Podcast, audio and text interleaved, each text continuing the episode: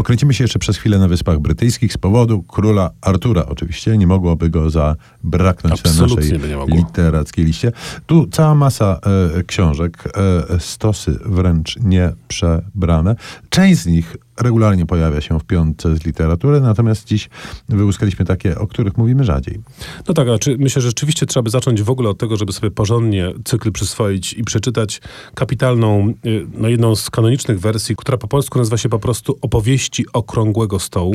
I to jest ta zielona seria, gdzie wychodziła e, stara klasyka od Homera po Koran i króla Artura też tam można znaleźć. Tak jest. To jest opracowanie niejakiego Jacques'a Boulangera, czyli taka no, adaptacja klasycznych e, legend na współczesną francuszczyznę i z tej współczesnej francuszczyzny przełożona na, na polski. To się świetnie czyta i tu rzeczywiście poznajemy Artura jako takiego w takiej prawdziwie średniowiecznej, mocno schrystianizowanej wersji. Ale na przykład takim inną, innym tropem, którym można by pójść, bardzo sympatycznym jest cykl napisany przez T.H. White'a, e, którego pierwszy tom nazywa się Był sobie raz na zawsze król, Nee.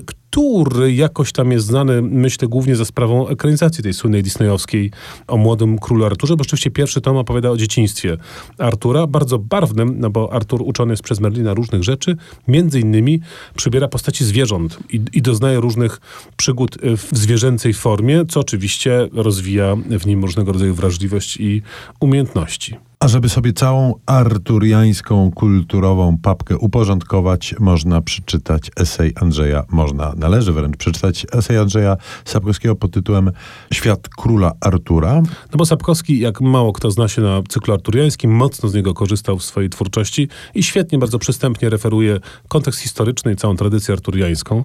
Y, Naprawdę dobre wprowadzenie bądź podsumowanie lektur y, o tymże królu właśnie. Natomiast muzycznie towarzyszyć będzie nam nuta z ekranizacji książki pod tytułem Mgły Avalonu, która wielokrotnie pojawiała się w piątce z literatury. Dwa tygodnie temu ostatnio. Tak, bo to jest e, ta feministyczna wersja legend arturiańskich i została ona zekranizowana, proszę Państwa, i przed nami muzyka. A kompozytorsko odpowiada za nią Lee Holdridge.